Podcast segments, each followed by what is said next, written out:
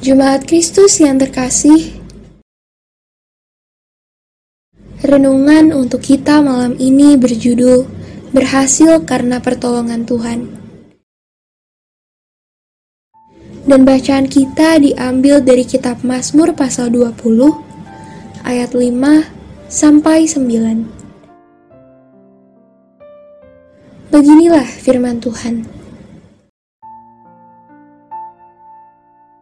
Kiranya diberikannya kepadamu apa yang kau kehendaki, dan dijadikannya berhasil apa yang kau rancangkan. Kami mau bersorak-sorai tentang kemenanganmu dan mengangkat panji-panji demi nama Allah kita. Kiranya Tuhan memenuhi segala permintaanmu.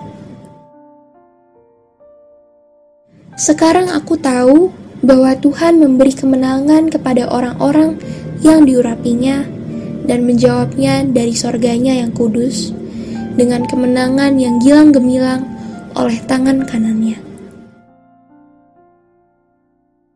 Orang ini memegahkan kereta dan orang itu memegahkan kuda tetapi kita bermegah dalam nama Tuhan, Allah kita.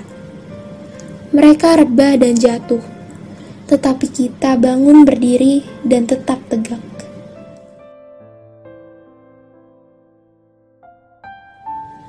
Mazmur Daud yang menjadi sumber bacaan kita saat ini berisi tentang doa dan harapan kepada Allah agar diberikan kemenangan. Kalau kita melihat isinya, kita akan melihat bahwa apa yang dikatakan Daud sebagai doa untuk mendapatkan kemenangan adalah sesuatu yang dahsyat. Mulai dari apa yang dirancangkan akan berhasil, permintaan kita terpenuhi, dan kemenangan yang dapat dirayakan. Semua hal baik ini menjadi sebuah janji kepada setiap orang yang bersedia untuk tetap berserah kepada Allah. ada satu hal yang ditegaskan oleh Daud, yaitu kita harus bermegah dalam nama Tuhan, bukan bermegah dalam segala hal yang kita miliki. Tentu, kita akan bersyukur bila kita mendapatkan pengalaman saat Tuhan menolong kita dan menjauhkan kita dari mara bahaya. Tetapi, apakah kita dapat terus bermegah dalam Tuhan? Sayangnya, itu dua hal yang berbeda. Seringkali kita menjadi tidak ingat kepada Allah saat kehidupan kita kembali pada kondisi yang normal. Kita hanya ingat kepada Allah saat menghadapi pergumulan atau saat sedang mendapatkan berkat yang berbeda dari biasanya.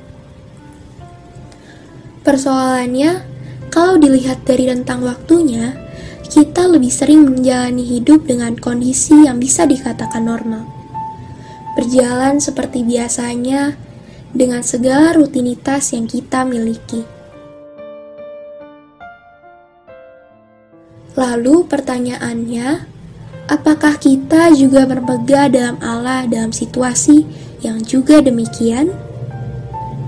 Apakah kita tetap dapat menyadari dan menemukan berkat Allah dalam rutinitas keseharian kita?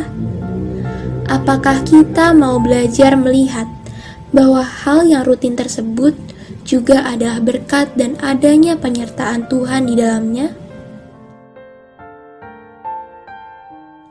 Sadari bahwa Allah terus berkarya dan menyertai kita setiap waktu. Bermegahlah karena hal itu, percayakan kehidupan kita kepadanya hiduplah dalam berkat yang tercurah kepada kita.